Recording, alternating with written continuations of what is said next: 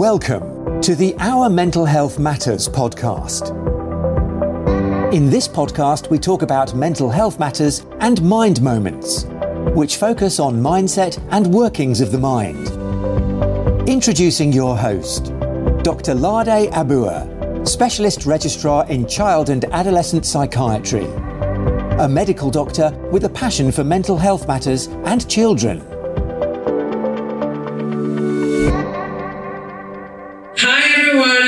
Welcome to our Mental Health Matters podcast. I have a very important guest with me today. It's Professor Charles Zeanah. He is a professor of psychiatry and clinical pediatrics. He has done extensive work on infant mental health. And hi, Professor Charles. Thank you for coming on today. Thanks for having me. Yeah, um, so we will be focusing on infant mental health, which um, we've had quite a lot of research recently, and uh, that has shown that early experiences matter. Infant mental health has important implications for health as well as um, mental health outcomes for you know children and adults as well. Um, so my question will be, what is infant mental health, and how is it different from mental health of all other ages? Sure. So I think the first point to make is that for a long time, people didn't really think about young children's yes. mental health experiences. Yes, that's um, right. They thought of them as too young to yeah. experience uh, any unpleasant emotions or difficult behaviors. And so, one of the things that we've learned is that young children um, in the preschool years, toddlers, and even infants yes. um, can have uh, problems that affect profoundly how they feel, how they behave, and how they relate to other people. Yeah, that's right. Um, and so, infant mental health is a field that has grown up to really address um, the kinds of experiences that young children have and to think about them in terms of two things. First of all, the kind of trajectory, developmental trajectory that the child is on, and trying to make sure that the child's on a healthy developmental trajectory yes. rather than maladaptive developmental trajectory. So thinking about what are the implications of early experience for subsequent development. Yeah. But also there's been increasing uh, emphasis on the here and now for young children. And there's yes. no reason why young children don't deserve the same kinds of here and now experiences that older individuals have. Mm-hmm. So I, I, think of infant mental health as kind of the clinical science of early experience. Yeah. yeah. And how, how is it different as a field of psychiatry? Well, the, the major difference, I think, is that infants are so dependent on the caregiving relationships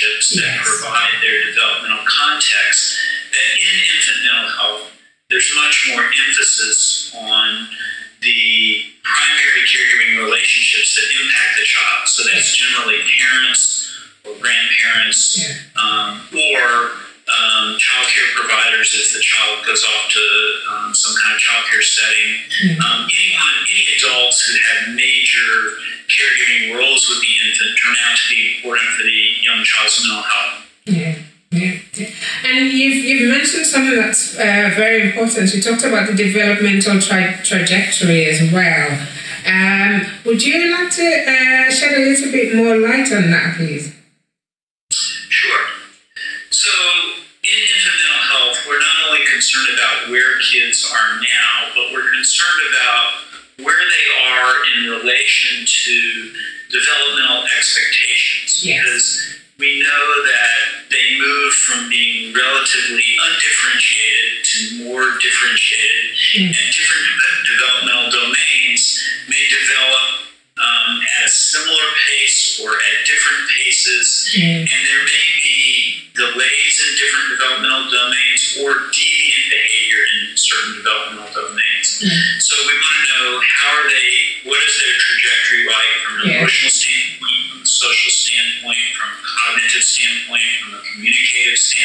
mm. from a standpoint, all those different developmental domains. Mm. How is the child doing? compared to developmental expectations Yeah. of where we like to see children at particular ages. Yeah. And then, you know, the first three to five years of life is,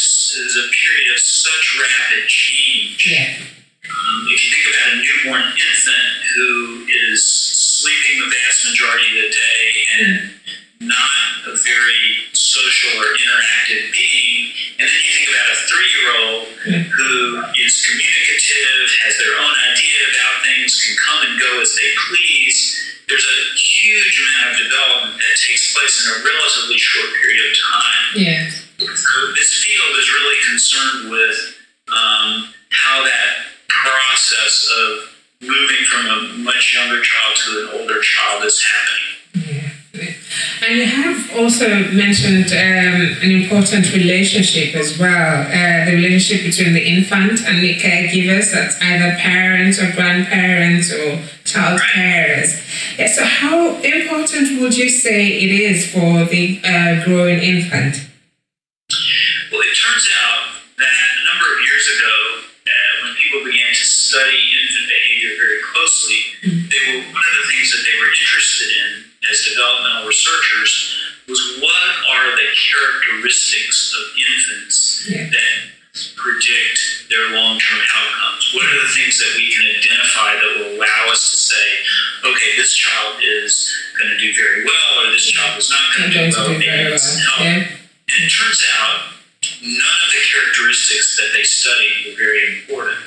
What turned out to be important is the quality Of of, the child's relationship. relationships.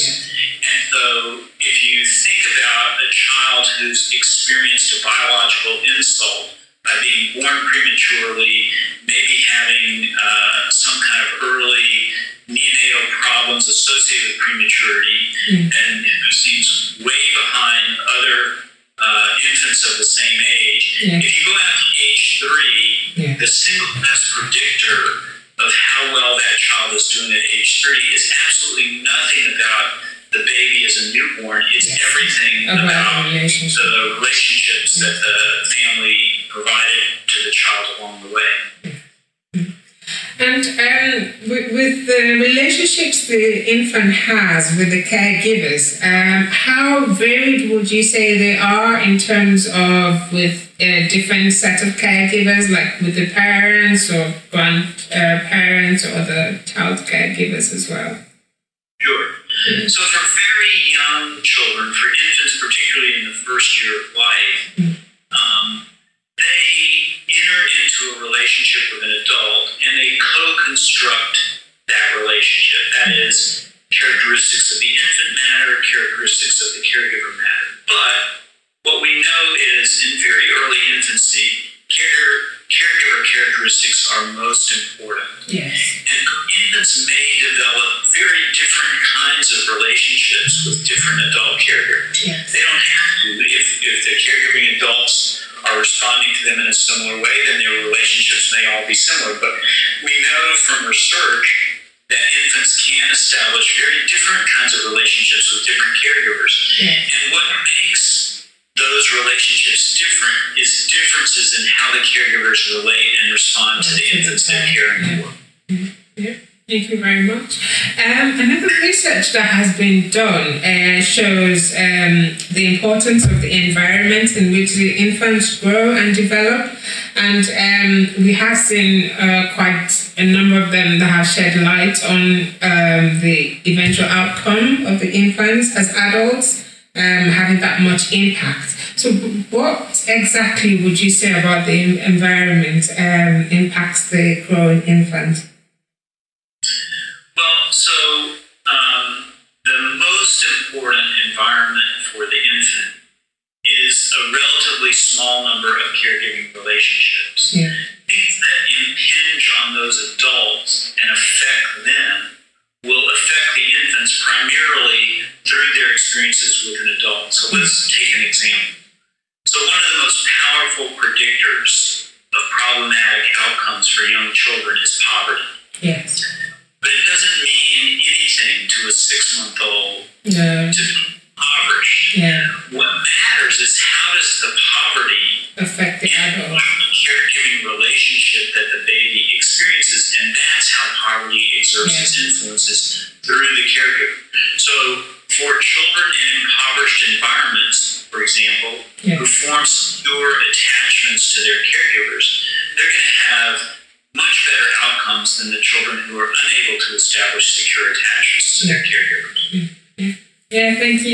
for shedding more light on that. And you've, you touched on a very important um, issue as well, the issue of attachment. Um, quite a lot of people would not really know what um, secure attachment is or the other types of attachment. Would you please like to explain? Yeah. Sure. So when we talk about attachment between infants and parents, we're talking about a tendency in the child to seek comfort, support, nurturance, and protection from identified attachment figures. Yes. And the way that an adult becomes an attachment figure for an infant is they repeatedly demonstrate that when the infant experiences a need for comfort, support, nurturance, or protection, Yeah. the adult caregiver is there and provides it. Yeah. And over, over repeated experiences like that, over the course of the first few months of life, the infant begins to um, identify the people who provide that feeling of comfort or what some people call security, Yeah. and they will begin to turn selectively To to that Yes.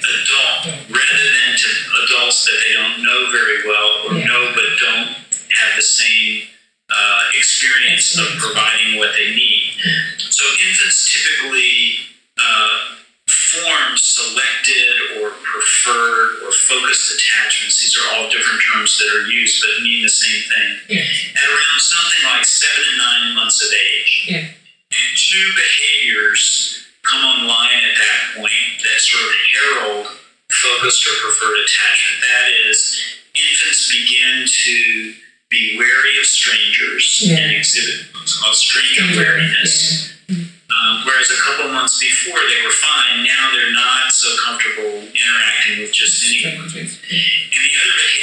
separation protest. So now, when the attachment figure, generally a parent, leaves the child, the child begins to exhibit distress. Yes.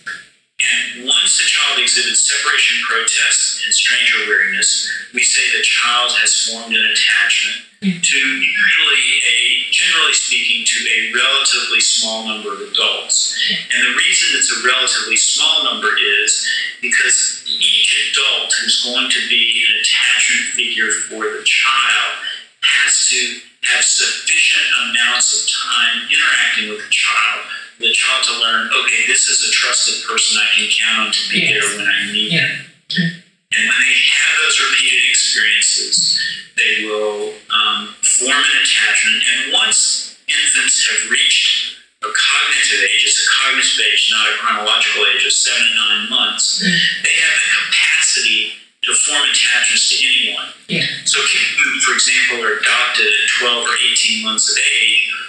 form attachments to their adoptive parents because they learn through repeated experiences with those parents that when I need them, they're there Yeah, for me and they come for me. And if you mentioned um, a few positive qualities in infant care or parent relationships, you've talked about uh, security, comfort. Are there other ones that um, uh, caregivers and parents should be aware of? Yes.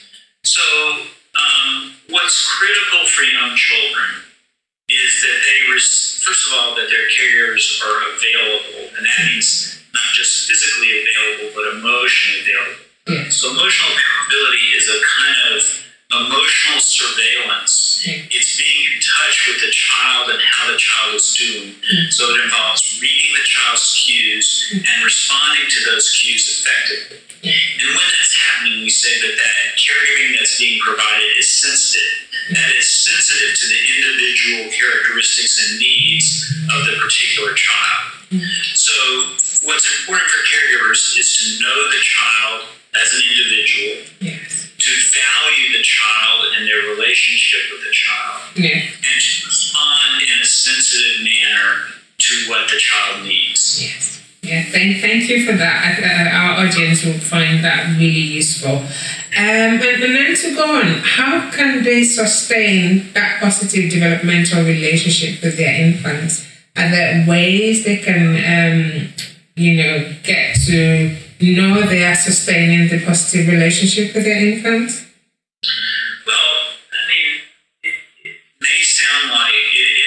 Sound like work, and of course it is work, but it also is incredibly enjoyable. So, if a parent or caregiver is really enjoying, really getting a very positive experience from the relationship, mm. that's a pretty good indicator that things are going well. Going well, yes. I think that would be something to to pay attention to. Yes. Okay.